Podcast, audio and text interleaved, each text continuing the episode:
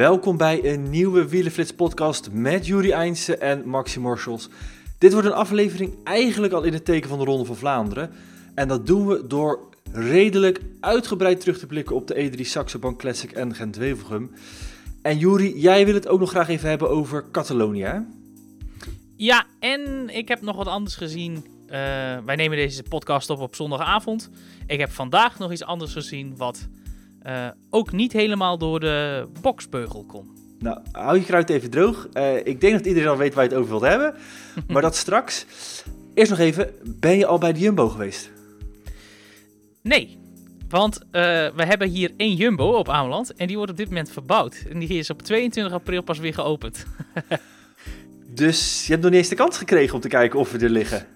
Nee, zeker niet. En sterker nog, voorheen heb ik altijd in de supermarkt gewerkt. Dat was van een uh, andere uh, organisatie. Dat was de Co-op, of de Koop, zoals mensen dat soms noemen. En ik had wel een, uh, een Instagram story geplaatst. En met natuurlijk Jumbo Ameland in de, in de tag. En toen kwam ik in de koop en toen werd ik door een aantal oud-collega's toch ferms tegengesproken dat dat niet meer kon. Sterker nog, ik, ik moet nog een gratis ride naar iemand gaan opsturen, maar dat komt heel in orde. nou, ik denk dat we eerder moeten gaan zorgen dat we ook in de in de co-op komen te liggen. Ja, dat is een goed plan. Ik denk dat dat wel. Uh, dat, dat uh, zijn een aantal wielerliefhebbers bij ons in de co Dus dat komt wel zeker goed als dat zo ver komt. Ja, ik ben gisteren speciaal omgereden. Of er eigenlijk speciaal naartoe gereden. Naar Jumbo toe om te kijken of we uh, er zouden liggen. Want van de week. We zijn sinds donderdag liggen we met Ride, want daar hebben we het over. Liggen met Ride Magazine in de Jumbo's. Zijn we nog eventjes vanaf kantoor is het ongeveer nou, een klein kilometertje lopen in Amsterdam Centrum naar de Jumbo toe. Maar helaas, het is een kleine jumbo. Daar lagen we niet in de schappen. Dus ik denk, ja, ik hoop toch niet dat we genept zijn. Ik ga dan toch even op zoek naar een andere jumbo. Dus in Purmerend eh, gisteravond eventjes gaan kijken. En ja hoor, we lagen zelfs vooraan. Dus uh, uh, in de rechte lijn voor de winst. Dus ik heb ook maar even een editie gekocht. Alright, en, alright. Ja, toch wel een leuk momentje om ja, eigenlijk in de jumbo te liggen. Toch een beetje een nieuwe ervaring. Ja ja, gek dat in één keer je eigen kindje daar uh, in de schappen ligt. Ja, en in België, voor onze uh, Vlaamse luisteraars, kun je ons vinden bij enkele filialen van Albert Heijn, uh, Carrefour, de kiosken, de relay. Dus ja, we liggen all over the place in Nederland en België. Ja, goede zaak. Maar goed, laten we het gewoon eens eventjes gaan hebben over de koers. Gaan hebben over de E3 Saxo Bank Classic en Gent-Wevelgem.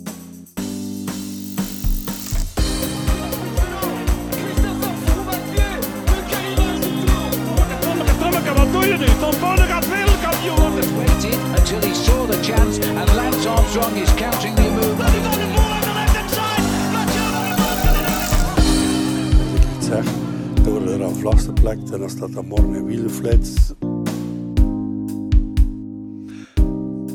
Nou Juri, zullen we gewoon uh, vooraan beginnen? Bij de E3?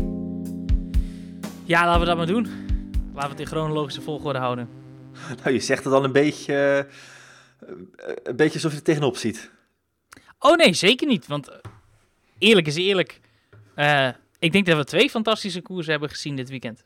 Ja, ik zou het lastig vinden om te zeggen welke uh, leuker is. Normaal gesproken zou dat uh, een vraag zijn die je in veel gevallen redelijk makkelijk kunt, kunt beantwoorden.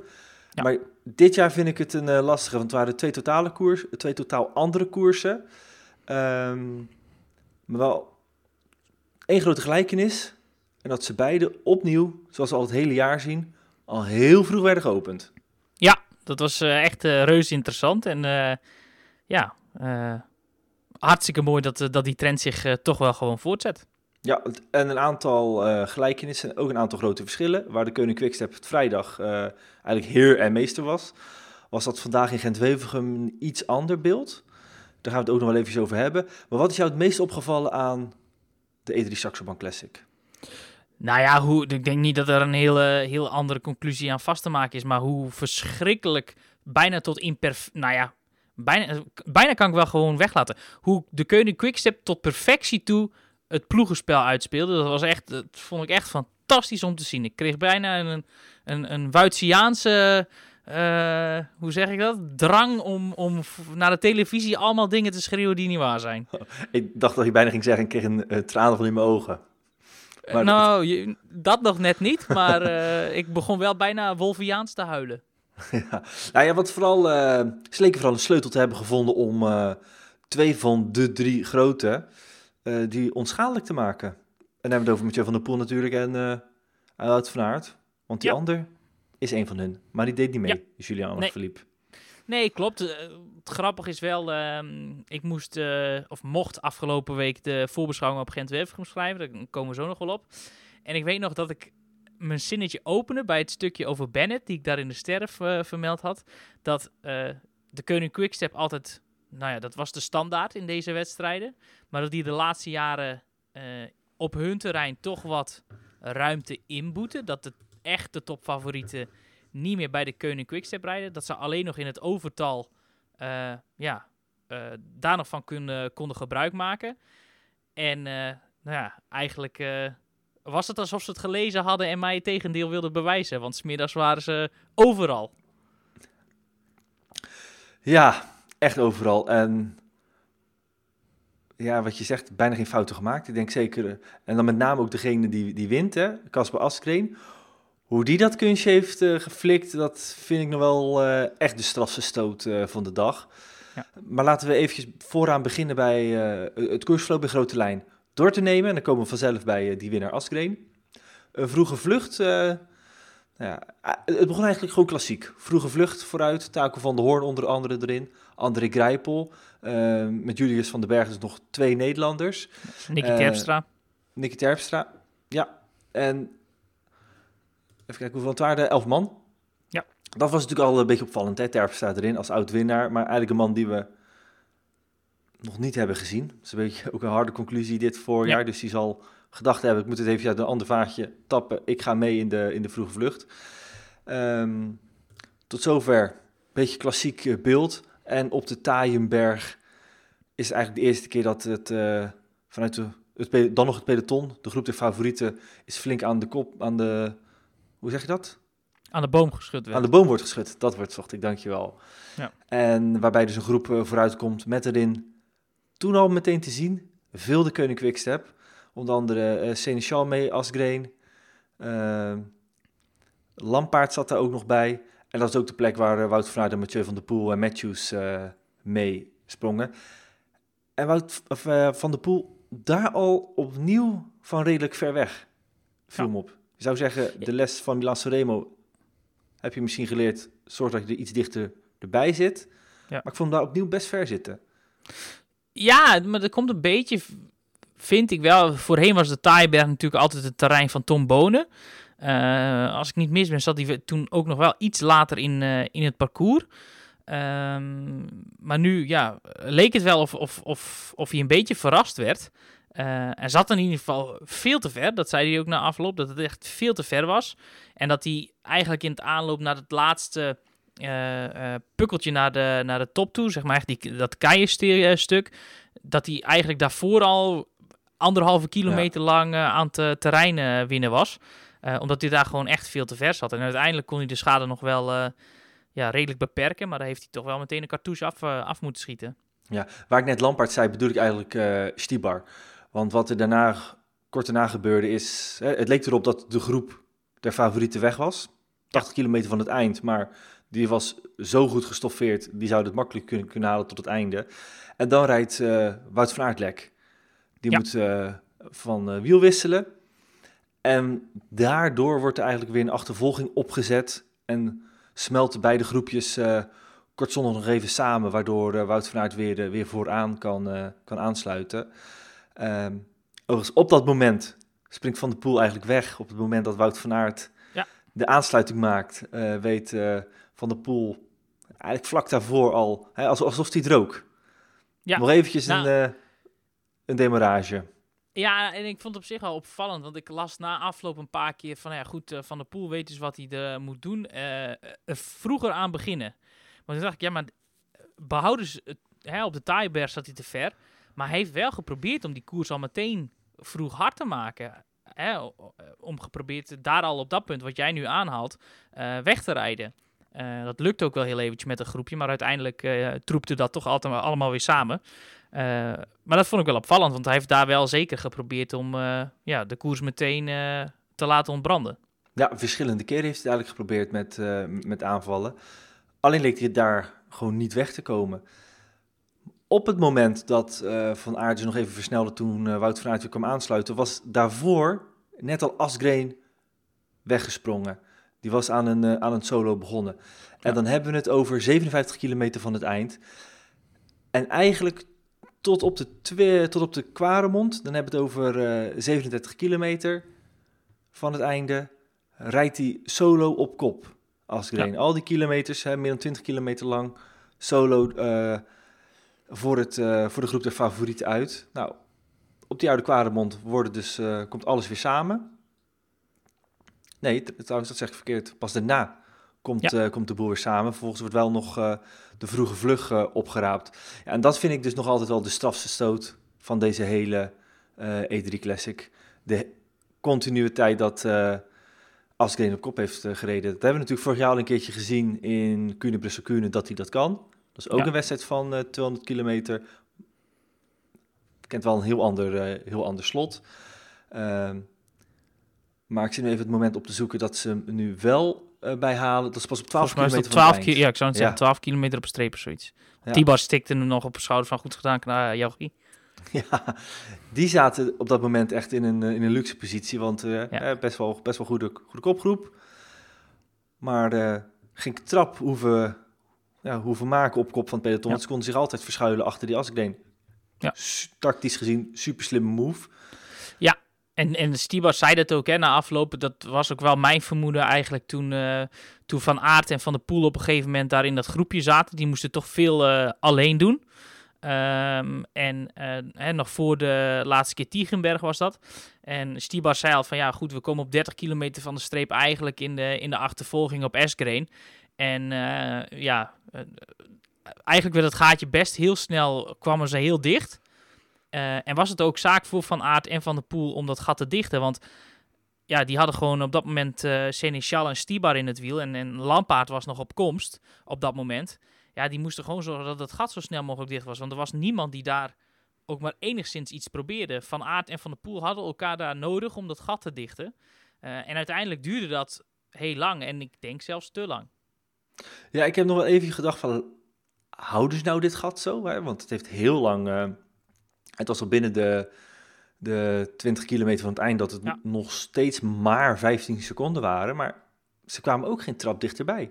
Nou, ja, je moet ook niet vergeten dat Eskreen eh, bij de belofte eh, Europees kampioen tijdrijder is geweest. Dat is gewoon een hartstikke goede tijdrijder. Die kan dit. Eh, is ook al eens tweede geweest in de Ronde van Vlaanderen bijvoorbeeld. Dus het is niet zo dat het een, een, een koekenbakker is. Eh, het is gewoon een, een ijzersterke beer die goed, goed eh, ja, goede pacing strategy kan, eh, kan hanteren. Ja. ja, en ook al heet je dan Mathieu van der Poel of Wout van Aert, ja, dan is het met twee man in je wiel. Waardoor je minder tijd hebt om te herstellen, is het gewoon lastig om, om zo iemand terug te halen. Ja, en alleen Van der Poel met Vermeers uh, had hij nog een ploegmaat bij zich. Voor de rest ja. waren het eigenlijk alleen maar eenling. Ik zal nog eventjes uh, voor de volledigheid dat groepje wat achtervolgde, dus op Askreen nog even opnoemen. Dat waren uh, Wout van Aert, Van der Poel. Uh, voor Quickstep dan nog Stibar en Seneschal. Jouw Turgie, zeg ja. ik erbij. Greg van Avermaat, Nase, dus twee, de twee kopmannen van AG Desert. Haller, Vermeers en nog een beetje vreemde eend in de bijt, Hoegaard. Ja. Dat was die achtervolgende groep. Dan zou je zeggen, ja, genoeg kwaliteit om, uh, om dat gat te dichten. Maar daar ze nog behoorlijk veel, uh, veel moeite mee. Gebeurt dus dan op 12 kilometer van het eind.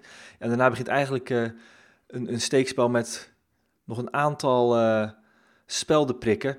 Maar het was eigenlijk pas nadat, ik heb even opgeschreven, 4,8 kilometer van het eind. Dat was de, het punt waarop Asgreen gewoon nog een keer ging. Werd op 12 kilometer bijgehaald, heeft hij eigenlijk achterin genesteld. Heel eventjes dus nog, uh, dus nog uh, kunnen herstellen. En op 4,8 kilometer van het eind poeft hij op, opnieuw op een slimme plek weg. Hè? Je had ja. die, dat, dat verkeereiland in het midden. Hij, renners rijden links, hij schiet naar rechts, rijdt weg. Er wordt eigenlijk achterom gekeken en weg was hij. Kijk ja. van Avermaat en Van Baarle, die inmiddels was teruggekeerd. Over vraag ook ontzettend sterk reed. Ja. Uh, vandaag opnieuw. Ehm, probeert het nog eventjes op 2,7 kilometer. Van de Poel zelf nog op 2 kilometer. Maar de, de vogel was gaan vliegen. Ja, en het was in die zin ook... ehm, i- inderdaad, Asgreen werd teruggepakt. Die is op dat moment, zit hij ook in de zetel, want die hoeft niks meer te doen. Die heeft op dat moment 45 kilometer solo aan de, aan de eh, kop van de wedstrijd gereden. Die kan niks anders doen dan op dat moment sparen voor één cartouche die hij nog kan afschieten, want dat moet hij ook. Hè, Stibar en Seneschal eh, zijn allebei snel aan de meet in zo'n groepje. Eh, je bent met drie. Je moet gaan aanvallen als je Van der Poel nog bij je hebt. En eh, ja, dan, dan was het logisch dat hij degene was die moest aanvallen. En dat wisten ze ook allemaal daarvoor in. En daarom vind ik het juist van zoveel koersvernuft spreken dat je op dat moment die manier kiest om aan te vallen. Zo deed Frère, heeft dat in voorheen, eh, is daar wel eens op die manier wereldkampioen geworden. Volgens mij was het bij zijn allereerste keer. In Lissabon was dat, dacht ik. Eh 2001. Dat was zijn tweede keer, want hij won in Verona ook. Nou goed, andere discussie. En die heeft dat later in een andere wedstrijd nog een keer gedaan. Ik weet niet of je dat nog heugt. Toen zat hij in een kopgroep, samen met nog iemand van Rabobank. En toen wipte hij daar over zo'n vluchtheuvel heen. Iedereen ging rechts om de rotonde. Hij wipte toen over die vluchtheuvel heen en ging binnendoor. Ze hebben hem nooit weer teruggezien. Ja, dat Was- zegt mij helemaal niks. We gaan het nog eens even een keertje opzoeken. Ja, dat maakt voor de volgende uit, aflevering, maar dit is nieuwe informatie voor mij. Ja, nou, maakt het niet uit. Maar in ieder geval, het was echt zo'n super slim moment. En het was ook echt... Hij deed... A, dat vluchteiland kwam op het perfecte moment. Maar hij zag het ook goed. Want Ja. een van de mannen die mij de beste indruk gaf voor, daar, vooraan... waren Greg van Avermaat en waren Mathieu van der Poel. Die zaten achter elkaar. Op het moment dat Greg van Avermaat links uitdraait van de kop af... demareert Eskren aan de rechterkant van de weg. Van der Poel ziet het niet. Die komt daar daarna op kop. Die trekt waarschijnlijk eventjes door. Greg kan niet reageren, want die zit aan de andere kant van de weg. En heeft net vaart geminderd omdat hij van de kop afkomt. En Van der Poel kan het gat niet dichtkrijgen. Kijkt om en toen wist ik al, het is gebeurd. Ja. ja, maar je moet vooral op die plek nog de benen hebben. En natuurlijk, fantastisch eh, tijdrijder en heeft dit al een keertje geflikt. Maar vooral na zo'n zware koers, eventjes herstellen, het juiste moment zien. En dan is het toch nog een kleine vijf kilometer. En dan met zoveel power wegspringen. Ja, dan toon je maar weer aan dat je ook een man bent die het volgende week... Hè, dus weliswaar nog 50 kilometer langer. Maar als je, als je, als je dit, dit kan, met zo'n ploeg... Ja, dan... eh, dan eh, die, die, die politieerde zich eh, in één klap echt wel naar de, een van de vijf topfavorieten, eh, naar mijn mening. Ja, en het punt is alleen wel, eh want ik heb uh, Seneschal vind ik al het hele voorjaar heel goed. Normaal gesproken schat ik in dat die niet helemaal mee kan tot het eind in Vlaanderen. Maar goed, Stibar kan dat wel. Vond ik echt heel indrukwekkend in E3. Eh Alaphilippe kan dat, die is er weer bij. Ja. ja goed. En zo'n Eskering kan daar ook van profiteren. Maar aan de andere kant weten Van der Poel en eh, Van Aert ook hoe de vork in de steel zit. Die zullen niet weer in zo'n situatie terechtkomen. Daar zullen ze alles aan doen. Dus ik verwacht Ronde van Vlaanderen echt een finale van misschien wel 100 kilometer. Laat Als- als dit- eh, Ja, Juri, ik denk dat jij een beetje voorzichtig moet gaan zijn met je voorspellingen. Ja, ja, ja. Ik wist dat die ging komen ergens, deze podcast. Maar goed, daar hebben we het zo wel over. Ja. We hebben het nu vooral over de, mens, de mensen die we wel hebben gezien. Laten Ja. we ook eens eventjes eh, kort stilstaan bij... was Nou, even ik- ik opvallend, wil, terwijl... nog, wil nog één ding wel benoemen in die finale. Het eh, toch wel laffe optreden van Age Duzer Citroën in die kopgroep. Want die zaten daar met hun twee kopmannen, met Van Avermaat en Nase. En die hebben, eerlijk is eerlijk, geen trap gedaan op kop. En die hebben ook nul keer het heft in handen genomen, terwijl die daar ook in een overtal zaten. Vind Ja, ik toch wel nog een puntje van kritiek. Nasa zei na afloop, ik had de benen niet. Eh, maar goed, Greg heeft... Ik vind dat Greg een fout heeft gemaakt in E3 door niet eh, iets te proberen. Het is ook een heel nieuwe strategie voor Greg eigenlijk. Want dat is... eh, Ik zat te kijken en ik denk zo van... Volgens mij moet hij nu enorm op zijn lip aan het bijten zijn. Want hij is juist altijd iemand die geeft, geeft, geeft. Wellicht dat hij eens geprobeerd heeft om het uit een ander vaatje te tappen... door is te wachten, te wachten en te wachten. Eh, laten we vooral hopen dat het hem slecht bevallen is. Want het heeft hem nu weinig opgeleverd. Naast wordt nog vierde, hij zesde.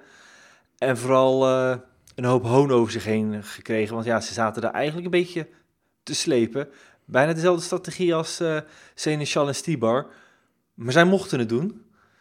Ja, Uh, want ze en, hadden natuurlijk en- nog Asgreen voorop. Aan de Ja. andere kant, het staat ze wel vrij, hè? En als ze nu Ja. wel nog gewonnen hadden, ja, dan heb je het fantastisch gespeeld. Nee, ja, zeker, dat snap ik ook wel. Het is alleen wel dat op het moment dat Asgreen gaat, eh, kijkt, kijkt Van Avermaat achterom naar Naast van ja, ik ben beter, jij moet voor mij rijden. En Naast kan dat niet meer op dat moment, want die zijn na afloop, ja, ik zit pieren dood. Maar dan vind ik het toch wel weer opvallend dat hij wel vierde wordt in dat sprintje. Dan heb je dus wel over gehad, vind ik. En dat, dat, dat vind ik wel dat dat te weinig benoemd is. Ja, het zijn natuurlijk ook nog twee concurrenten, hè? Ja, nou ja, eh, volgens mij is wielrennen nog altijd een ploegenspel. Eh, en als er iemand de kastanjes uit het vuur... Een van die twee had de kastanjes uit het vuur moeten halen. Met het risico dat je inderdaad Stierbar, Seneschal en Van der Poel en Van Baarle naar de streep meeneemt. En Dat is een risico, je weet het. Maar aan de andere kant, als je het niet doet, weet je ook dat je niet wint. Het zijn in ieder geval, eh, ja goed, ze hebben een vierde plek en dat is voor AG natuurlijk gewoon goed. Ja, maar Vanaf maat zesde, maar als je het ook als je nog met twee man vergelijkt op met... zeven eh, zet, dan moet je toch iemand, eh, ja. in ieder geval iemand op het podium krijgen. nou, als je nou het hele, de eindafrekening maakt van dit weekend, dan schaak ik ze eigenlijk tot een van de ploegen van de verliezers. Nee, absoluut. Want- want vandaag waren ze er niet. hadden. En vrijdag als het, had hadden ze er meer uit moeten halen. Zo Ja. simpel is het. Maar goed, laten we even gaan kijken naar de ehm, renners die we nog meer niet hebben gezien. En dan is één ploeg die direct opvalt. En dat is Team DSM. Dat, eh, die waren inderdaad, eh ja, eh, schitterden door afwezigheid. Ja, Ploeg met hoge verwachtingen, ook zelf geschept. Ja. En zelf uitgesproken dat deze klassiekers gewoon een... en van oudsher is dat altijd al zo geweest. Heel belangrijk voor ze zijn. Ties Benoot, Sønnekag Andersen eigenlijk de mannen die het daarvoor moeten gaan doen. En er werd er zelfs ook al vanuit de ploeg ook wel met een flink schuin oog gekeken naar eh, Niels Eekhoff als coming man. En we hebben nog wat van Benoot gezien in E3. Die zat daar een hele tijd nog te achtervolgen samen met, eh, met Jasper Stuyven in de finale. Maar kwam er eigenlijk geen trap dichterbij. En dat was het eigenlijk. Een dag lang achter de feiten aanfietsen. Ja, en, en ik mo- moet zeggen hoor, ik miste meer ploegen hoor, in, de, in de E3. Want uh, Trek Segafredo hebben we ook helemaal niet gezien. Alleen Stuiven inderdaad, dat was ook hun eerste man. eh, Ja. Die in de achtervolging eh, was. Eh, Lotto Soudal, de kopmannen, ook compleet niet van voor op toneel gezien. Daar waren Florian van Meers en Jasper de Buis de eerste renners. Wel 16 en 17e. Maar goed, daar komen zij ook niet voor naar E3. En eh, nog een ploeg wie, eh, wie ik niet zo heel ver van voren heb gezien. Ineos Grenadiers was ook niet op de afspraak afgelopen vrijdag. En Hadden wel pech met, met Narvaez. Ja. Dat is op zich een man. Hè, Ja, goed, maar die heeft dit, dit één keertje laten zien in welke was het ook weer? Lussemijn of Kuurne, dat hij nee, lang met Van ja. Ja, dat hij lang met Van der Poel meekomt. Maar voor de rest was dat ook... Die had nog nooit een kasseiwedstrijd gereden tot dan. Dus dat vind ik niet dat je die hier meteen van voren mag eh, verwachten. Maar het werd wel eens en te meer duidelijk dat Pitcock, ook al voelde hij zich erg slecht, gewoon niet van die kasseien houdt.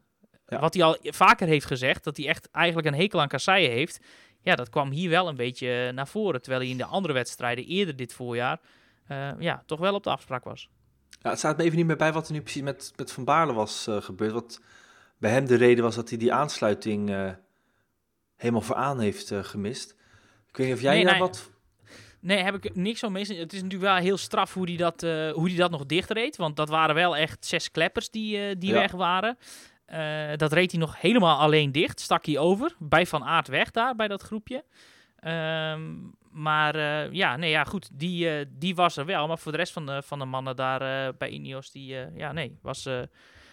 die schitterde wel door, eh, door afwezigheid, vond ik. In iets mindere maat dan DSM en, eh, en Trek. Maar eh, ja, die waren toch ook niet helemaal waar ze moesten zijn. Nog andere ploegen? IF hebben we ook helemaal niet gezien. Die hier toch starten met Bettiol, Keukelaire en Langeveld bijvoorbeeld. Ja, maar wat er met, eh met Bettiol aan de hand is, Ja, goede vraag. dat oogt niet veel goeds voor, eh, voor komende weken. Nee, dat, eh, dat klopt. Dat zeg je heel goed. Dus eh, het is wel een beetje, ja, koffiedik kijken hoe dat komt. Ja, een beetje kwakkelend. al in, in de E3 Saxo-bank, daar 44ste. En Ja. vandaag Gent-Wevelgem niet uitgereden. Dus het, zijn strafverstoot van twee jaar geleden gaan we, gaan we vermoed ik niet zien. Of hij moet wel heel erg goed met, met zout of met zandstrooien zijn. Maar dat lijkt mij, dat lijkt mij uitgesloten. Nee, maar mij ook. Zullen we overschakelen naar eh Gent-Wevelgem? Ja, laten we dat maar doen. Dat was een heel andere koers. Natuurlijk ander, Ja. ander parcours. Veel sprinters aan de start. En opnieuw een kleine kopgroep eh, vooruit. Maar die kregen nog minder tijd eh, vergeleken met, met de E3 om, om er vooruit te rijden. Ja. Want die waren nog niet vertrokken of de, of de, de boel werd al aan Vlaarden gereden. Ik meen al dat er, eh, de wedstrijd is iets langer, of iets langer, 50 kilometer langer. Ja. En dat, eh, met nog 200 kilometer te gaan eh, was er al een grote groep in tweeën gesplitst. En zag het er zelfs al naar uit dat het, dat het gedaan was. En het vervelende hiervan, niks daarvan was in beeld. Nee, want het is, het is in Gent-Wevelgem altijd te doen in de Moeren. eh, Ja. Het bekende windgebied naar, eh, vlak naar Veurne. Eh, het, het grappige is, of het grappige, het, het moet een beetje met de billen bloot, maar ehm, ik mocht de voorbeschouwing dus schrijven van, van Gent-Wevelgem deze editie. En nou, wij hebben altijd de deadline op woensdag, als hij op vrijdag online moet in dit geval. Dus ik was daar maandag en dinsdag druk mee in de weer. En toen heb ik eh, Brugge de Pannen nog eventjes afgewacht. En op dat moment was het weer, eh, nou ja, voorspeld eh, Zuidwest 4. Zuidwest is een prima wind, die staat precies goed in de, muren, of, in de moeren om het op waaiers te trekken. Daarmee staat hij ook in de finale in je rug, waardoor ja, je als aanvallers minder snel terugwaait in het peloton. Maar toen was ik eventjes gaan kijken naar de weersverwachtingen bij andere edities. En ehm, eigenlijk waren de weersomstandigheden zoals ze voorspeld waren op ik moet goed zeggen, woensdagavond. Want toen heb ik hem, eh, of donderdagavond. Toen heb ik hem nog eh, voor de laatste bijgewerkt, zodat hij vrijdagochtend 7 uur online ging. Toen waren de weersomstandigheden hetzelfde als in 2019. En toen kregen we een sprint met een man of 30-40. Die editie die Christophe won. En toen heb ik nog een aantal andere ja, voorbeschouwingen teruggelezen. En alle jaren eigenlijk dat de weersvoorspelling een beetje hetzelfde was, werd het altijd een sprint met meer renners. Er waren er wel waaiers opgetrokken in, eh, in de moeren, maar kwam het daarna altijd samen. Ehm, maar het waaide nu iets, eh, iets harder. En ik denk dat het toch wel van invloed is geweest dat er een tweetal ploegen niet aan de start verschenen vanwege positieve coronatesten.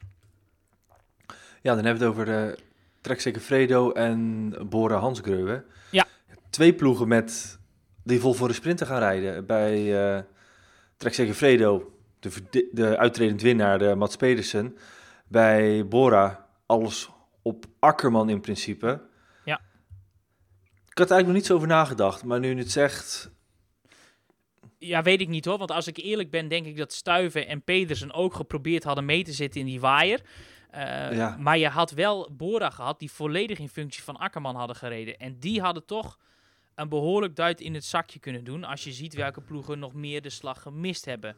Hè, Alpecin was nog met veel mannen daarachter. Ja, die moest het nu veelal alleen doen. Uh, Riesebeek hebben we veel op kop gezien. Uh, dat is ook ontzettend ja. sterk. Als je ziet, ja. uh, er wordt steeds over, uh, hè, het is een, een cliché, maar stapjes maken. Ja. Nou, die heeft toch wel een reuzensprong gemaakt deze winter. Ik denk een van de renners die we het meest op kop hebben gezien, of het meeste werk hebben zien opknappen. ja. Van ons nee, dat, renners. Dat, dat is volledig waar. En, uh, maar het was, ik, ja, wat ik zeg, ik, dat, dat heeft, heeft misschien wel zijn invloed gehad. Aan de andere kant waaide het wel dermate hard dat, ja, goed, uh, een uitslag ligt ook niet. Uh, en ja, ik weet niet of we anders wel een sprint hadden gezien. Maar goed, ja, wie er niet is kun je niet verslaan. En die kunnen ook het koersverloop niet beïnvloeden. Dus ja, goed, dit was hoe het was. En wat dat betreft moet ik met mijn billen bloot, want ik had een sprint hier verwacht, gezien de weersomstandigheden en de ploegen die starten. Maar de renners maken nog altijd de koers en die maakten ook echt koers vandaag. Ja, op 200 kilometer van het einde werd het dus al, ja, was al een heel deel van het peloton gewoon, gewoon kansloos. Daar spleet het in tweeën, ook door een val in, in de moeren. Um, ik las net wie dat was, dat iemand een, bot gebroken. Um, ik zou het even bij, want volgens mij was dat ook degene die gevallen is. Casper Pedersen Ja. van eh, Team DSM. Die heeft zijn sleutelbeen gebroken in die moeren. Nou, eh, samen met, met, met de waaiers die daardoor getrokken werden, waren, was eigenlijk jouw voorspelde winnaar. Die was er bijvoorbeeld kansloos. Ja, want die miste daar de slag en die reed later nog een keer lek. En eh, ja, kwam niet in het stuk voor. Ja, dan hebben we het over Tim. Even Ja. Voor de, voor de duidelijkheid. Nee, dus het peloton eh, splijt. En uiteindelijk zijn dus een heel aantal renners... waren, waren toen kansloos die de slag misten. En uiteindelijk, eh, na een paar keer Kemmelberg... zijn er negen man overgebleven die voor de, de overwinning gingen strijden. Ik noem even de namen. Dat waren Wout van Aert, dat waren Koen, Trentin, Bennett... Michael Matthews, Colbrelli, Nietzelo, Danny van Poppel en Nathan van Hooijdonk. Waarmee dus ook Wout van Aert als enige nog een teamgenoot had. Ja. En ik denk dat we hem ook wel mogen uitroepen tot eh, de MVP van de wedstrijd. De most eh, valuable player. Want wat die gedaan heeft voor Wout van Aert, dat was echt wel eh, goud waard. Ja, En we zijn hier deze podcast al eens een beetje kritisch geweest. en eigenlijk niet alleen wij. Over de ondersteuning van Wout van Aert in de klassiekers. Tot nu toe hadden we weinig van zijn teamgenoten op de cruciale eigenlijk slotmomenten gezien. Mhm. Hoe kijk je er nu eigenlijk naar aan? Het is nu één wedstrijd later en Nathan van Hooydonk stijgt nou, eigenlijk boven zichzelf uit. Wout van Aert heeft van de week al eens gezegd van ja, het lijkt een beetje een sport te worden om eh, mijn ploeg naar beneden te praten. Ik ben even benieuwd hoe jij er, hoe jij er naar kijkt. Nou, ik vond eigenlijk de laatste weken wel dat die wel redelijk in orde waren. Eh, jij hebt dat ook al een paar keer gezegd, dat Timo Roos eh, de laatste weken echt een goede indruk eh, achterlaat. Ehm, we moeten ook niet vergeten dat Mike Teunissen er niet bij is. Die toch de, de man na Wout is hier eigenlijk. En dat de rest van de jongens, ja goed, toch al iets eerder in de wedstrijd sowieso eraf had gemoeten. Want dan was, zat hun werk erop. Eh, achter Teunissen hebben ze wel iemand gehaald als Van, Hodo, eh, van eh, en ook Eduardo Affini. Maar daar hebben ze natuurlijk ook bijvoorbeeld Pascal Eekhoorn voor. Die net tot net daarvoor daarmee moesten, moesten gaan. En ja, als er een keer iemand een goede dag heeft, dan kan die er bovenuit springen of boven zichzelf uitstijgen en meegaan.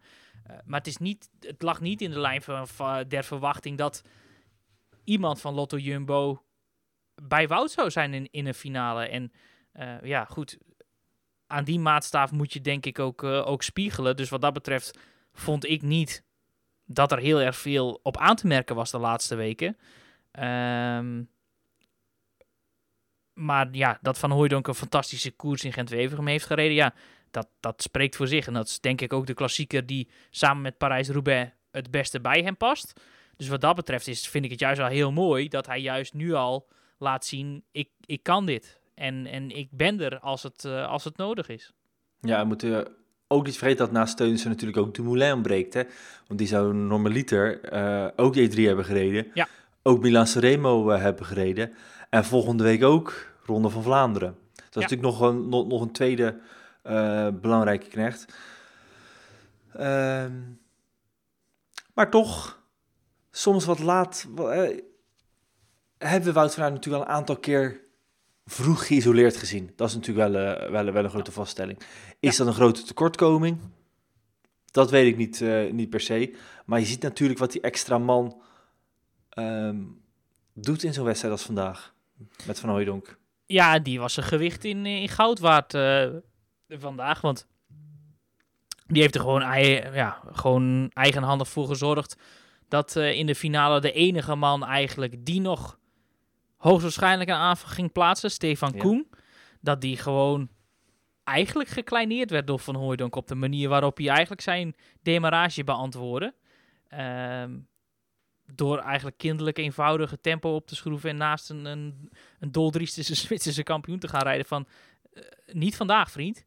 ja. En eh, nou ja, dat, dat, dat zo geschiedde ook. En daarmee werd direct ja, de, de moed bij de andere jongens om, om aan te vallen erachter werd ook direct eh, ja, eh, te niet gedaan. Want Nathan van Hooydonk liet zien, we gaan niet sprinten en dan zien we dan wel wie de beste is. Maar dan gaat hij niemand meer wegrijden.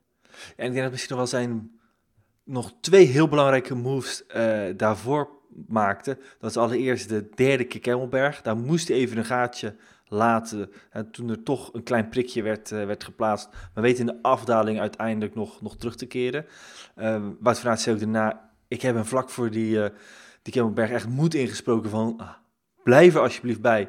Zo niet, keer alsjeblieft terug, want ik ga je nog nodig hebben in die 30 kilometer naar de finish. Waar het overigens rugwind was. Ja. Maar vervolgens vind ik nog wel de mooiste move is op die lange brede weg richting Wevelgem, waarin die wegspringt, een beetje op zijn asgains zoals in de E3, en daardoor uh, gewoon Bennett en Van Poppel weet te lossen.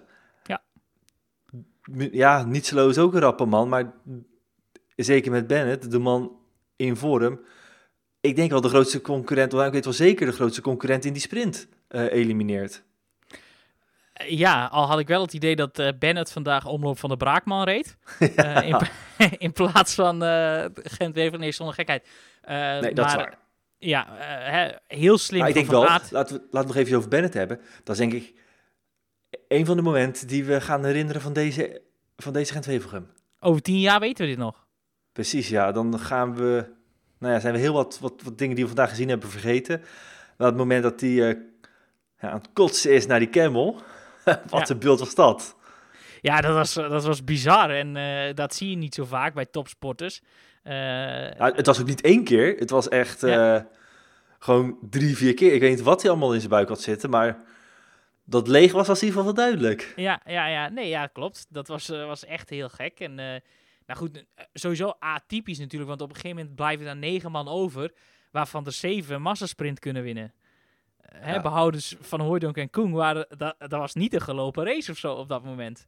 En, uh, en inderdaad heel slim van Hooydonk die op kop poort en, uh, en van Aert die eigenlijk bij Koen in het wiel zit. Net doet of hij over gaat nemen van Koen, die doet niks. En van Aert die, die, die heel zachtjes knijpt hij in zijn remmen. Die roept nog in je oortje, je bent los, rijden. En vervolgens moet Koen als een wilde dat gat dichtrijden. En ja, breekt dat erachter. En ja, draait Van Hooydonk gewoon uh, Van Poppel en Bennett de nek om. Overigens wel heel sterk hoe Matthews nog in zijn eentje dat gaatje weet te dichten. Toen dacht ik wel, die is echt, echt fucking goed vandaag. Uh, maar in de sprint zat daar toch nog maar weinig meer op. Maar misschien is dat ook wel de verdienste van Van Hooydonk. Want misschien moest Matthews een sprint daar al rijden. Ja, en die zat op vier kilometer van het eind ook nog echt aan zijn benen te schudden. En ik, ik, ik heb nog mijn notities opgeschreven om aan jou te vragen van... Was dat nou theater? Hè? Want hij liet ook een paar beurten overslaan. Of zat hij gewoon echt kapot? Ja, ik denk als we de, laten de uitslag zien dat het gewoon, uh, gewoon kapot zitten was. Ja, ik, ik weet het niet. Ik had toch het idee dat het een beetje show was. Want um, hij deed het heel opzichtig in de camera. Ja. En op dat moment, hè, al die ploegleidersauto's hebben een klein schermpje in de auto waarop de koers te zien is.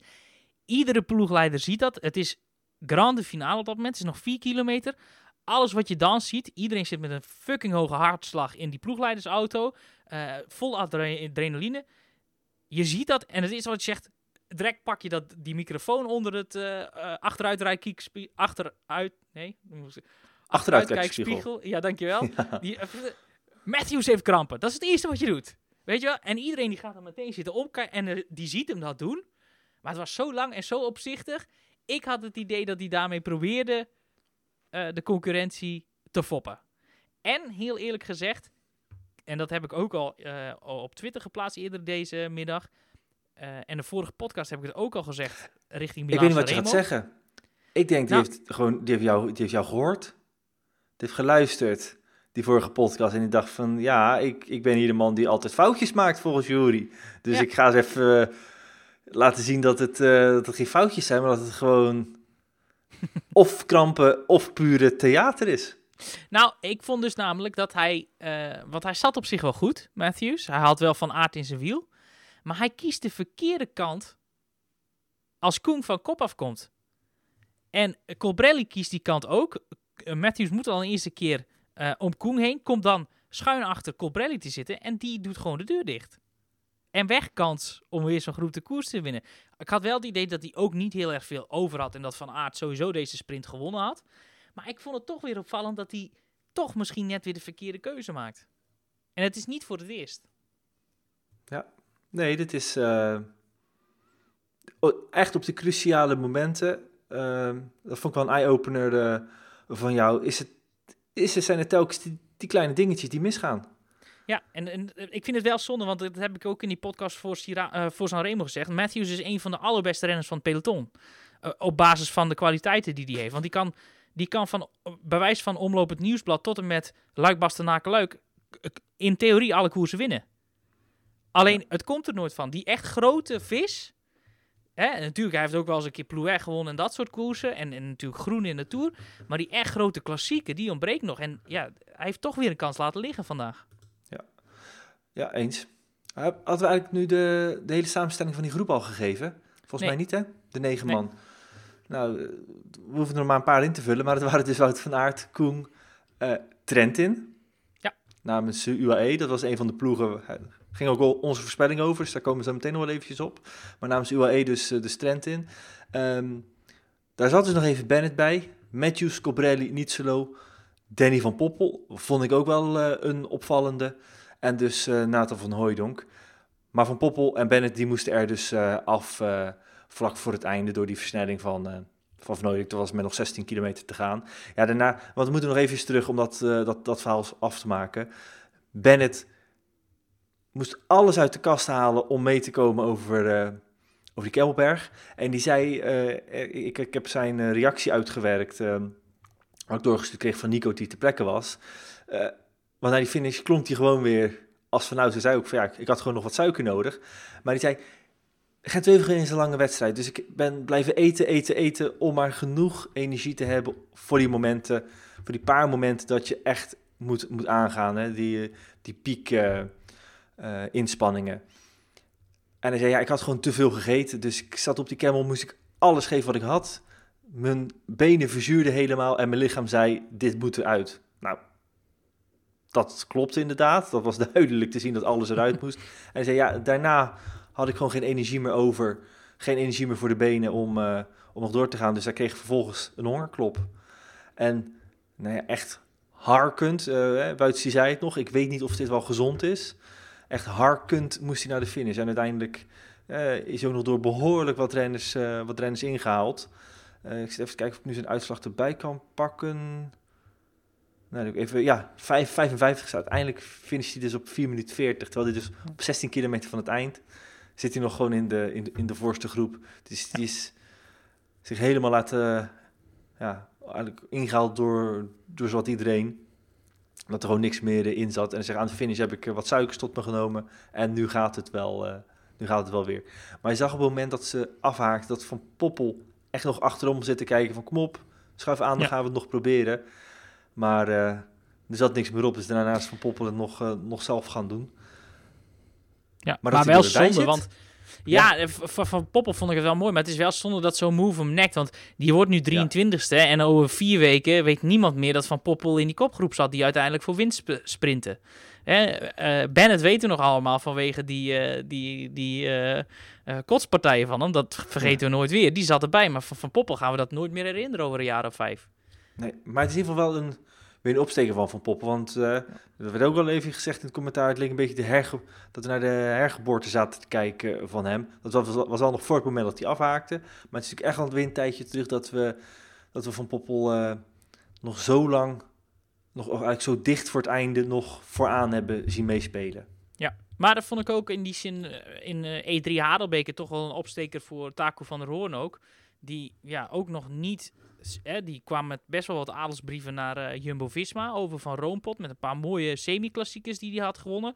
Kon daar toch niet de volgende stap maken. Uh, ook nu pas op het allerlaatste moment opgevist bij, uh, door uh, Intermarché Wanty Gobert. zat natuurlijk lang mee al in die, in die vroege vlucht in, in Milaan Sanremo. Nu weer, maar toch in de finale van die E3 werden ze natuurlijk teruggepakt. Maar ik vond wel dat hij nog redelijk rap over de finish kwam daarna. Dus hoop wel dat, dat, uh, dat ze daar uh, ja, hier uh, moed uitputten uit deze prestatie van Van Poppel en Van der Hoorn. Het zal misschien niet meteen nog wel voor dit jaar zijn, maar dat ze in ieder geval goed najaar kunnen rijden. Dat ze komend jaar ja, daar toch weer een stap bovenop kunnen doen.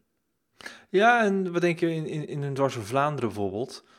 eh, en voor Van Poppel zeker ook in de Scheldeprijs zijn er nog gewoon twee grote kansen. Hè, ik zie dat die Ronde van Vlaanderen voorlopig niet rijdt. Zijn er toch wel weer twee kansen waar die, waar ze, waar die, ja, waar die gewoon in principe gewoon kans kan maken. Ja. Als al, goed, goed, als al die natuurlijk qua pure sprintsnelheid is het gewoon een lastig, eh, een lastig verhaal. Maar in een, eh, ja, in het dwars door Vlaanderen, Ja, nee, ja, zeker. Dat zou zeker heel goed kunnen. Wel een iets andere wedstrijd, maar ja, het zou kunnen, ja, zeker. Een andere renner, ehm, opvallend, althans ja, niet opvallend, maar eh, goed dat hij erbij zit, die Giacomo Nizzolo. Ehm zichzelf een beetje ontwikkeld als pure sprinter, maar ik had het begin, eh, een paar weken geleden voor, eh, voor eh, een interview met eh Aart Vierhout, nu de ploegleider bij Bekke Aastos. En die zei ook van ja, we willen juist van Nizzolo, eh, we gaan hem een sprinttrein geven, maar we willen het met hem ook gaan proberen in klassiekers. En er werd met name al vooruitgekeken naar de Ronde van Vlaanderen. Want een beetje hetzelfde type als een Christophe. Van die renners die ook naarmate de kilometers eh, verstrijken. En dus ook naar 250 kilometer waar renners bij vermoeidheid ook gewoon snelheid verliezen. Uh, zei Vierhouten, dat is zo'n renner die gewoon nog altijd rap blijft. Nou ja, dat heeft... eh, dat heeft eh Christophe al ontzettend veel gebracht hè, met, de- met de Ronde van Vlaanderen. Ja. Met een Milaan Sanremo en ook al een keer Gent-Wevelgem op zijn eh, palmares. Nou, dat type is dus ook een Nietzsche. En nou ja, dat is vandaag alweer een goed voorbeeld dat hij het dus ook gewoon kan gaan doen. Ik vind dat die eigenlijk misschien nog wel de allergrootste fout maakt in de finale. Want die komt op een gegeven moment van de kop af. Ja. En die denkt, ik ga in het laatste wiel zitten. Die moet echt harken, want die, die bleef net te lang Ook, ja. beetje dromen. En nou ja, toen kwam hij in het laatste wiel. Maar die rijdt misschien wel de snelste sprint van allemaal. Die komt uit hij laatste vannacht nog positie wel en een paar tweede. keer de- deze sprint eh, voorbij gaat zien komen. ja, Want dit is ja, dat denk ik ook. echt de, ja, de grootste kans van zijn leven op zo'n topklassieker tot nu toe eh, aan zich voorbij laten gaan door gewoon, Ja. gewoon te ver te zitten. Ja. Die had altijd op het wiel van van, van Aert moeten zitten. Ja. Het was toen in ieder geval heel dicht. eh, eh, het verschil was een stuk kleiner. Maar het deed me een beetje denken aan Erik Dekker in de Ronde van Vlaanderen van 2001, zeg ik uit mijn hoofd. Eh, die werd gewonnen door Gianluca Bartolami. Eh, en Dekker die Ja, achteraf zei van ja, ik, ik, ik zat stinkapot, ik kon niks meer. Die zat in de allerlaatste positie en die wordt uiteindelijk tweede op volgens mij eh, 4,5 centimeter. ja. Eh, dat verschil was natuurlijk een stuk kleiner dan nu. Maar ik had wel een beetje zo'n déjà vu momentje van... ach jongen, had er toch eerder aan begonnen. En dan had er misschien wel meer in gezeten. Ja, ja. Die maakt. eh, ik bedoel, Matthews eh, zit niet goed, maar Nizelo zit nog wel, eh, zit nog wel slechter. Ja. Toch nog eens eventjes naar Matteo Trentin, want dat hebben we ook al eens besproken hier in deze podcast. Weer net niet voor hem. Nee. Die zou er toch ook moedeloos van moeten worden. Zo'n goede renner, zo vaak erbij zitten, maar telkens stuit hij gewoon op, ja, op, op net wat sterkere renners. Trentin zou nou een uitstekende aanwinst zijn... bij een ploeg als Jumbo-Visma of Alpecin Fenix... die één heel goede pion hebben in Wout van Aert en Mathieu van der Poel. Als een Trentin daarbij zou kunnen zitten bij zo'n team... dan ben ik er gegarandeerd van overtuigd... dat hij altijd meer gaat winnen. Ja, in zo'n ploeg zit hij toch nu? Ik bedoel, notabene onze voorspelling gaat de, ging de afgelopen week Ja, nee, over. zeker. Dat, dat begrijp ik. Alleen, dat zijn wel...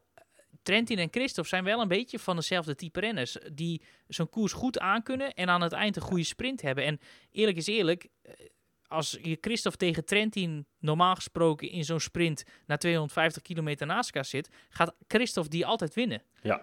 Dus wat dat betreft, hè, het is zo'n goede renner, maar die, die zou... Ik, ik, ik heb ook nooit begrepen dat hij bijvoorbeeld weg is gegaan bij de Koning Quickstep. Dat was ook zo'n ploeg waar hij veel meer eh, zou kunnen renderen.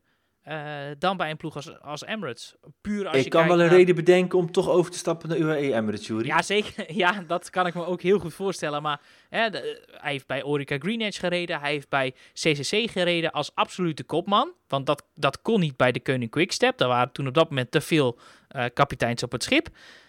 Maar ja, goed. Bij die ploegen was hij wel de, de, ja, de kopman. En, en nu ook bij Emirates ja, hebben ze toch een beetje twee van dezelfde types. Ja, daar komt hij toch niet helemaal tot zijn recht. Prima resultaten, maar die grote vis ontbreekt. Ja, maar reed hij, had hij dat niet al een beetje vorig jaar? Was natuurlijk wel een gek seizoen, maar toen bij CCC met, met Greg van Avermaat zo'n luitenant. Ja, maar ook dat is zo'n renner die uh, misschien dan weer iets minder snel is, maar ook vaak gokt op een sprint. Terwijl je als je juist iemand hebt die echt onnoemelijk veel sneller is, als bijvoorbeeld een Van der Poel of Van der Aert naar, zo, of, uh, van Aert naar zo'n koers, dat zo'n Trentin toch kan anticiperen en, en weg kan rijden met, met andere groepjes. En dat Van Aert en Van der Poel dan eens een keer kunnen zeggen, haal hem maar. Ja. Nu is Trentin altijd op de afspraak, schuift altijd mee met de beste, maar gaat zo'n koers nooit winnen. Nee, dan zal hij uh, eigenlijk wel bewijzen dat dit zou hij solo moeten gaan. Maar dat is natuurlijk eerder een vraag van of je dat kan.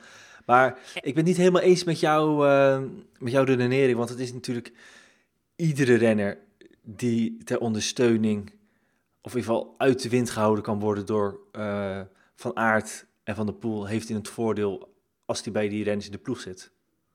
Ja, maar als ik nu deze kopgroep zie, niet zo low, moet altijd gokken op een sprint. Colbrelli moet altijd gokken op een sprint. Matthews moet 9 van de 10 keer gokken op een sprint. Trentin gokt altijd op zijn sprint, maar er zijn er altijd twee of drie bij die rapper zijn. Ja, maar dan snap ik niet hoe hij dan toch kan... Wat, wat zijn voordeel is als hij, uh, als hij uh, bij Wout van Aert in het team zit. Dan zou je de, kaart, de ploegenkaart kunnen spelen, zoals bijvoorbeeld een Esgreen deed in uh, de E3-prijs. Ja, want jij zegt nu, als hij dat nu zou doen, dan wordt hij toch wel teruggepakt door een van deze. Ja, want, ja, want het, het, belang van, van bijvoorbeeld een Van Aert of, of wie dan ook, om dan daarop te reageren, die is er. Terwijl als je juist met zo'n sterke kopman in de, in de, koep, of in de uh, ploeg zit, ja, dan, dan kunnen die renners dat juist weer als uh, tactisch uh, plan gebruiken van, joh, jongens, ga maar halen. Het hoeft voor mij niet, wij winnen met hem ook.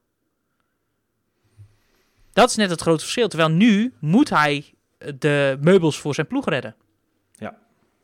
En is een derde plek prima hoor. Maar als je die stap wilt maken naar winnen, ja, dan zou je misschien toch een andere ploeg op moeten zoeken. Ja, maar normaal gesproken, als we even kijken naar deze Gent-Wevergem. Uh, Gaviria had normaliter ook uh, deelgenomen, maar die is in de E3 gevallen en uh, zijn pols gebroken. Christophe heeft volgens mij vandaag de slag gemist. Normaal uh, zij zijn... Goed, Gaviria is natuurlijk niet helemaal top op dit moment, maar Christophe en Trentin hadden erbij kunnen zitten. Dan heb je die snelle man. Ja, dan, dan gaan ze hem alsnog niet laten rijden als dat niet nodig is. Ja, dat weet ik toch niet hoor. Kijk, uh, sowieso vandaag was misschien daar de koers niet naar, maar ook in andere wedstrijden Trentin gokt vaak op, op dat sprintje. En die, ja. die heeft echt prachtige ereplaatsen uh, al bij elkaar gereden. Maar ja, zo'n echt grote koers ontbreekt nog op zijn palmares. En hoe ga je die winnen als je altijd maar op die sprint gokt... terwijl je weet dat er altijd een paar man sneller zijn? Ja, nee, dat is uh, voor hem een beetje een dilemma. Volgens mij is het tijd voor de voorspelling. Ja, denk het wel. De voorspelling. Ja, en als ik het mij goed herinner, gaat die voorspelling ook over uh, UAE uh, Team Emirates. Ja. En was die voorspelling welke renner van deze drie um, het dichtst zou finishen in uh, Gent-Wevelgem? Klopt. En wie had jij gezegd?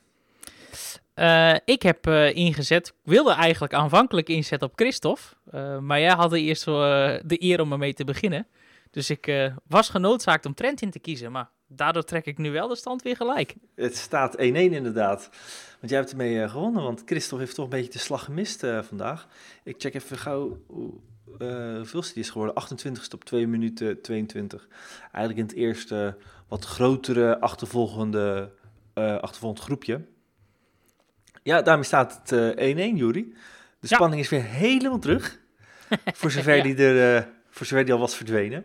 het wordt tijd voor, het wordt tijd voor de nieuwe. Waar gaan we het over hebben? Gaan we al eens kijken naar de Ronde van Vlaanderen of pakken we eerst nog uh, dwars door Vlaanderen? Nee, pak eerst dwars door Vlaanderen, ja zeker. Zeg en uh, nog even een dikke shout-out trouwens naar de nummer 11 uh, van vandaag in Gent-Wevergem, hè? Nou ja, jouw stokpaardjes doen het überhaupt uh, goed. Het zijn er natuurlijk ook best een aantal. Zeker, ik, heb, ik kan een manege beginnen. ja. Manege vol stokpaardjes. Allereerst natuurlijk nog eventjes Anthony Tougy, negende. Ja, ja. En Dat ook sterk, echt- want die was de enige Ja. eigenlijk die nog weg kon rijden uit die achtervolgende groep. Ja. ja, wie heeft geluisterd naar die pooltip van jou? Dit is toch wel misschien wel de beste tip die je tot nu toe hebt gegeven. In al die Eh, jaren. ja, hij, bleef het, hij blijft het maar goed doen. Hij heeft tot nu toe in alle wedstrijden die hij gereden heeft eh, punten gehaald. En eh, zelfs drie van de... eh, alle vijf bij de eerste 15 en zelfs drie keer top 10. Maar goed, we zitten... eh, ik wilde even vaart maken. Want Ja, ja, je had het met nummer 11 nog over Jeremy Lecroix. Ja, dat is een mooi verhaaltje erachter, maar dat zal ik je besparen. Zullen we die nog eventjes voor een volgende keer bewaren? Want dat is wel een heel Ja. leuk verhaal. Ja. Dan gaan we naar, de, naar Vlaanderen. Goed. Wat doen we? De winnaar? Ehm, De vroege vlucht? Ik zal eens heel even kijken naar de startlijst of daar nog iets leuks van te breien is. Eh, ja, ik weet wel een leuke eigenlijk. Wie wordt de eerste renner in de uitslag van Team DSM? En hoeveelste wordt hij? En hoeveelste wordt hij? Ja, maar het gevaar wat wij altijd hebben als wij teams afvakkelen, dat ze daarna ontzettend goed gaan doen. Nou, laten we het hopen, want dat hebben ze nodig bij de Duitse ploeg van Johan Spekerbrink. Ik geef jou... eh, jij mag beginnen. Oké. Ehm, ik verwacht dat de eerste renner van Team DSM in deze klassieker eh Søren Krauw Andersen gaat zijn. En die gaat eindigen op de 18e plaats.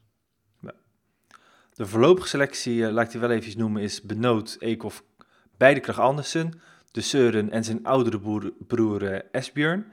Dan Andreas Leknesund, eh, Niklas Markel en eh, Joris Nieuwhuis. En wat wel grappig is, die Andreas Leknesund, die laten ze ook in dit soort wedstrijden starten.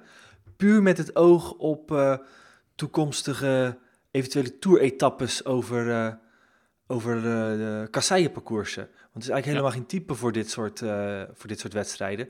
Dus die mag eigenlijk starten puur dat als hij straks ooit als klassementsman in de Tour gaat rijden, hij weet hoe de kasseien erbij rijden. Ja. Ehm, maar die verwacht ik zeker niet vooraan. Ik eh, denk dat... eh, nou, ik ga voor Ties Benoot. Die deed het dus, dus wel aardig in E3 Bingbank, maar reed, of E3 Saxo Bank reed daar een beetje achter de feiten aan. Ehm, die gaat vijftiende worden. En dat doet hij wel, eh, even kijken, dwars door Vlaanderen. Ja, wel binnen de minuut finisht hij.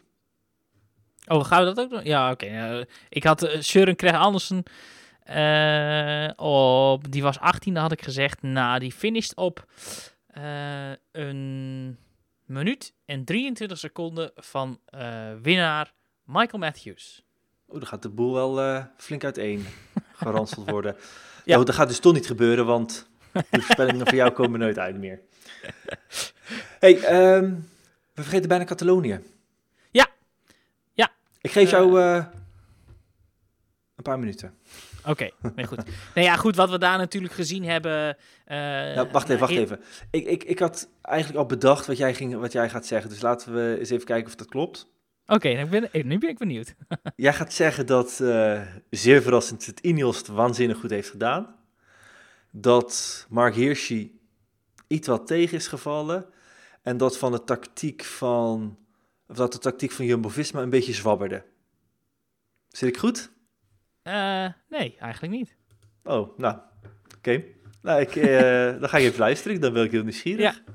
Nee, ja, nou goed. eh, zwabberen weet ik niet of dat de, de, de goede conclusie is. Ik vind in ieder geval dat Sepp Koes niet meteen geslaagd is voor zijn examen als kopman in een World Tour ronde. Ehm, want die eindigt hier als twaalfde en die had ik toch in deze klim... ehm, in deze klimwedstrijd, want dat is het, toch wat meer van voren verwacht. Ehm, wat ik wel inderdaad opvallend vind, is de kracht van, eh van Ineos Grenadiers. En dan voornamelijk hoe verschrikkelijk makkelijk Adam Yates rondrijdt. Dat was niet alleen hier al, maar die vond ik misschien ook wel in de UAE Tour de beste man. Ehm, daar kon Pogacar eigenlijk niet van hem overnemen in die rit die Pogacar wel won uiteindelijk. Omdat hij toen, eh, Adam Yates naar mijn mening, in de laatste 100 meters niet echt zat op te letten. Uh, maar Adam Yates was hier ook weer heer en meester. En uh, als die deze trend zo voorzet, is dat straks de man die Ineos Grenadiers gaat leiden in de Tour de France. Want die rijdt zo ontzettend makkelijk uh, rond en die ja, moet haast straks de kopman in de Tour gaan zijn. Ook al staat hij niet erop nu op dit moment voor de, de selectie. Maar ja, die, die rijdt zo gewoon gigantisch goed. En, en is nog jong, is een Brit. Als hij dit volhoudt, gaat hij gewoon straks als kopman naar de Tour, als je het mij vraagt. Uh, want die maakt gewoon enorm veel indruk. Uh, heel opvallend in de uitslag de nummer 4, Alejandro Valverde. Begon ik toch stiekem al een beetje af te schrijven, want die reed echt belabberd rond tot op heden. Ook vorig jaar gaf hij tekenen van uh, ik word minder. Maar die was er in één keer plots weer. Reed bergop goed mee. En is gewoon de eerste, want dat mag ook gezegd worden. Het hele podium bestaat uit renners van Ineos Grenadiers. Yates wint voor Poort en Thomas. Maar daarachter is Valverde gewoon vierde. Is wel heel ja. echt, uh, echt knap. Uh, nummer 5 in de uitslag, idem dito. Wilco Kelderman.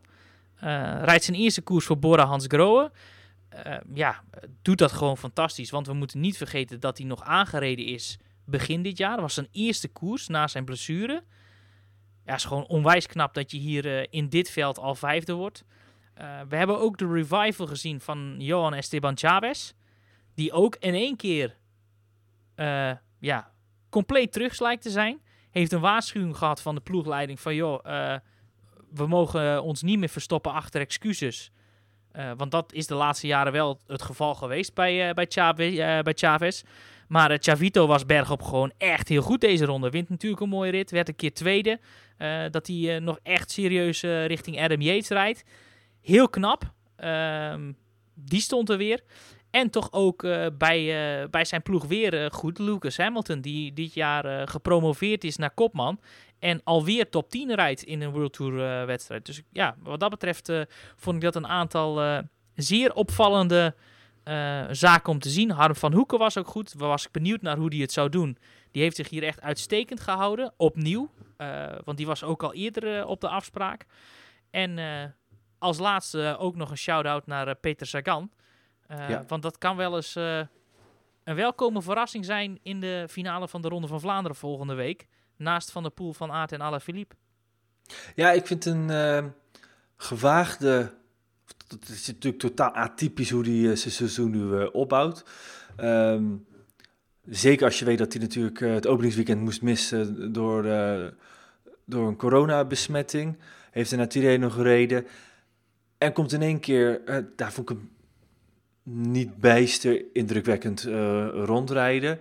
Maar wordt dan ineens verrassend vierde in Sanremo. Nou, alle klassieke specialisten gaan daarna aan het, uh, op de Vlaamse keien rijden. En hij kiest eigenlijk voor een heel ander traject via die uh, van Catalonië.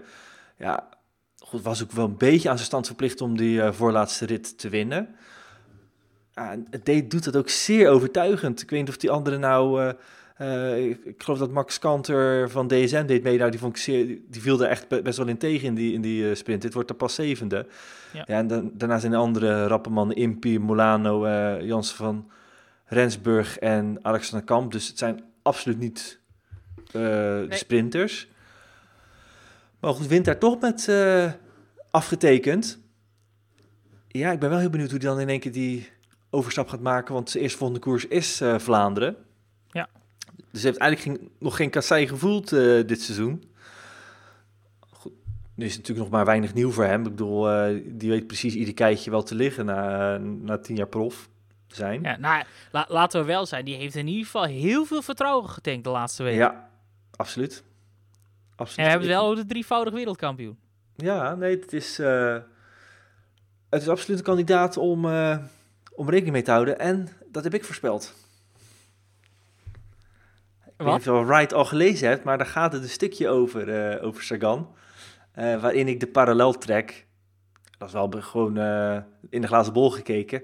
Maar dat topjaar van, van Tom Bonen in 2012, toen was hij ook 31. En toen had hij ook een paar mindere, iets wat mindere jaren gehad. Niet zo mager als Sagan. Maar die kwam toen ook in één keer nog terug op zijn 31ste. En toen dacht ik van ja, dat zou, weet je, zo'n Sagan, die moet je ook niet afschrijven. Het is altijd gevaarlijk bij dit soort renners om ze heel vroeg af te schrijven. Dan denk ik van ja, die, die is echt te oud, dat gaat niet meer gebeuren. Ja. Maar dat heb ik inmiddels wel geleerd in mijn jaren in de, in, in de wielerjournalistiek, dat ja, met, dit, met deze categorie renners echt wel moet oppassen. Ehm, want die kunnen in één keer terugkeren als ze het nog willen. Ja. En het heeft er nu schijn van dat het nog wel zou kunnen. Nou ja, en het wordt gewoon nieuwsgierig e- naar. echt knijter interessant. Want als hij inderdaad wel volgende week in één keer naar de laatste keer Oude Kwaremond en Paterbergen bij zit, ja, dan gaat niemand met hem dan doorrijden. Want, want wat, wat, wat dan, hè? Want eigenlijk staat er toch nog best wel een groot vraagteken achter. Maar Sagan kan volgende week die koers beslissen, zonder dat hij hem hoeft te winnen. Ja, en ook in de sprint, hè. Ik bedoel, eh, zet hem maar naast Van Aert. Zet hem maar naast Van der Poel. Na 250 kilometer. Ik wil het wel eens zien. Ja, ik ook. Dat wordt een eh, zeer interessant duel. En ja, wat ik zeg, hè, de- eh, laat ik zo zeggen, ik weet niet of hij meteen gaat winnen, maar hij kan wel andere renners doen verliezen. Ja. Want ja, wat ik zeg, er staat gewoon een vraagteken achter. Hij zal zelf heel veel vertrouwen hebben en daardoor verwacht ik hem ook wel eh, lang mee. Maar ja, als hij inderdaad overleeft, die zullen ze niet allemaal verwachten op die plek. Nee, en hij is natuurlijk altijd de renner die ehm startte als favoriet. Altijd Ja. de camera's op zich. Altijd de druk op zich. En daar is hij nu wel van verlost. Goed, die camera's zullen er zijn. Die druk zal nog ietsje toenemen, maar in verre, verre van wat het ooit is geweest. En dan is het natuurlijk wel nieuwsgierig van, wat doet dat met hem, hè? Ja. Dus eh, ja, het zou, het zou een hele leuke zijn. En eh, die erbij. En dan heb je alle Philippe van Aert. Hij. Ja, Dan kom je wel eh, al genoeg ingrediënten voor een topkoers. Ja. Maar goed, we moeten niet gaan voorspellen, want eh Nee, dat komt, jij eh, niet. komt want het gaat altijd mis. Komt in de volgende podcast wel. ja. Goed, Juri. Heb jij nog een laatste opmerking? Ja, Nasser Bouhanni moet per direct negen maanden geschorst worden. In ieder geval negen maanden geschorst moet, moet hij worden. Nou, dat is nog eens even een laatste opmerking. Nou ja, goed, weet je wat hij vandaag uitgekoerd heeft in de Grand Prix de Cholet? Daar wordt hij eh, derde. Eh, ja, het is dat Jake Stewart recht blijft in de borden. Maar dit was exact hetzelfde als wat er met Dylan Groenewegen en Fabio Jacobs gebeurde in de Ronde van Polen. Ja, En- hij is overigens natuurlijk nog uit de uitslag eh zet. Maar beschrijf eventjes wat er gebeurt, voor wie het nog Nou niet ja, gezien heeft. voor degene die het niet gezien heeft, eh, Elia Viviani wint die sprint. Ehm, op een gegeven moment zit aan de binnenkant, aan de boarding, eh, Jake Stewart. Die kan in mijn optiek ook niet meer winnen. eh, want die had niet zoveel snelheid als dat Viviani had. Eh Bouhanni komt vanuit het centrum en die, ja, die wil aan de linkerkant ergens een gat zoeken. Waarheen weet ik niet, want ik had ook niet het idee dat Viviani, of eh, dat Bouhanni eh, de benen had om Viviani te verslaan. En die, ja, die doet gewoon de deur dicht terwijl hij naast Stewart zit. En, en die moet echt, nou, die heeft eh 18 engeltjes op zijn rug, want die, die weet zich recht te houden. Eh, maar goed, ja, knalt hij hier in de borden, dan krijgen we zo'nzelfde scenario als met, eh, met Jacobs in Groenewegen in de Ronde van Polen. Ehm, en vervolgens, kijk, Groenewegen is natuurlijk genoeg over gezegd en geschreven. Is misschien eh, ook niet altijd de renner die de schijn mee heeft. Maar als er één sprinter is die de schijn tegen heeft, omdat hij al jarenlang dit soort kamikaze-acties doet, dan is het Bouhanni wel. En die gaat Ja. nu gewoon weer over de schreef. Het is niet de eerste keer dat die gedisqualificeerd wordt. Die moet echt, nu als de UCI echt voor veiligheid een punt wil maken, moeten ze die minimaal dezelfde schorsing geven als dat ze bij Groenewegen gedaan hebben. Ja, ik kan het niet meer eens eh, zijn met je, Juri. Het is eh, eh, zeker na alle commotie die, die er terecht is geweest... naar aanleiding van de val van, van Jacobsen en, en Groenewegen. Weet je, de sprinters die staan eh, op scherp. En als je ziet wat er dan nu gebeurt... wetende wat er vorig jaar augustus gebeurd is... dit kon al niet en nu al helemaal niet. Dus... Uh, ja, je ziet ook meteen op social media uh, Stuart uh, zelf die een furieuze reactie Ja. plaatst. En Logisch, logisch. logisch en die zegt dat, uh, dat Bouhanni nul hersencellen heeft. Ja. Maar kan het niet anders dan dat de UCI, ja, die moet gewoon met een reactie gaan komen.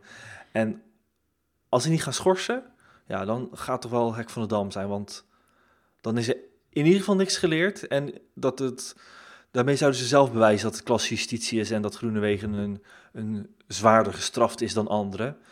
Want wetende Ja. wat er toen gebeurd is en ook de aankondiging dat er st- strenger gestraft ging worden, ja, dan kan er nu maar één ding, eh, zou er nu maar één oordeel geveld kunnen worden en dat is aanpakken die hap. Ja, want dit, dit kan gewoon niet. Dit is, eh, ja, dit is gewoon. Ook dit is. eh, met, om met de woorden van Lefebvre te spreken, dan maar in die zin. Ik weet niet of het de beste woordkeuze is, maar ook dit is een moordaanslag. Ik vind En deze misschien nog. Kijk, bij, bij Groenewegen werd er naar rechts gestuurd. Dat zal die gezien hebben. Maar een bewustere actie dan deze ga je gewoon niet zien. Want hij, hij, hij schuift nog met zijn kont van het zadel af. Hij duwt hem echt die boarding in. Ja, grotere opzet ga je niet vinden. Ja, dat is, dat is, hem, eh, dat, dat is nog met de handen van het stuur. Maar dit moet gewoon heel streng eh, veroordeeld gaan worden. Ja. Punt. Punt. En, en als dat niet zo is, dan gaan we de eerstvolgende podcast volledig eh, een uur lang de UCI afbranden. Afgesproken. Mooi, yes. Ik hoop dat ze hem niet schorsen, want dan wordt het echt leuk. We gaan hem hierbij laten, Juri. Ja. We gaan eh, woensdag genieten van Dwars door Vlaanderen. En donderdagavond nemen we weer een nieuwe podcast op. Die gaat vrijdag in je feed eh, zitten.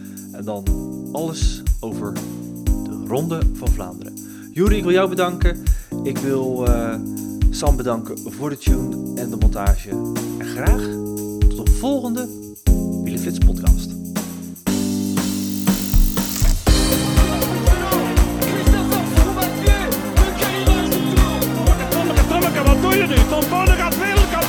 Waited until he saw the chance, and Lance Armstrong is counting the move. ik iets zeg, door er aan vast te plek en dan staat er morgen een wielflits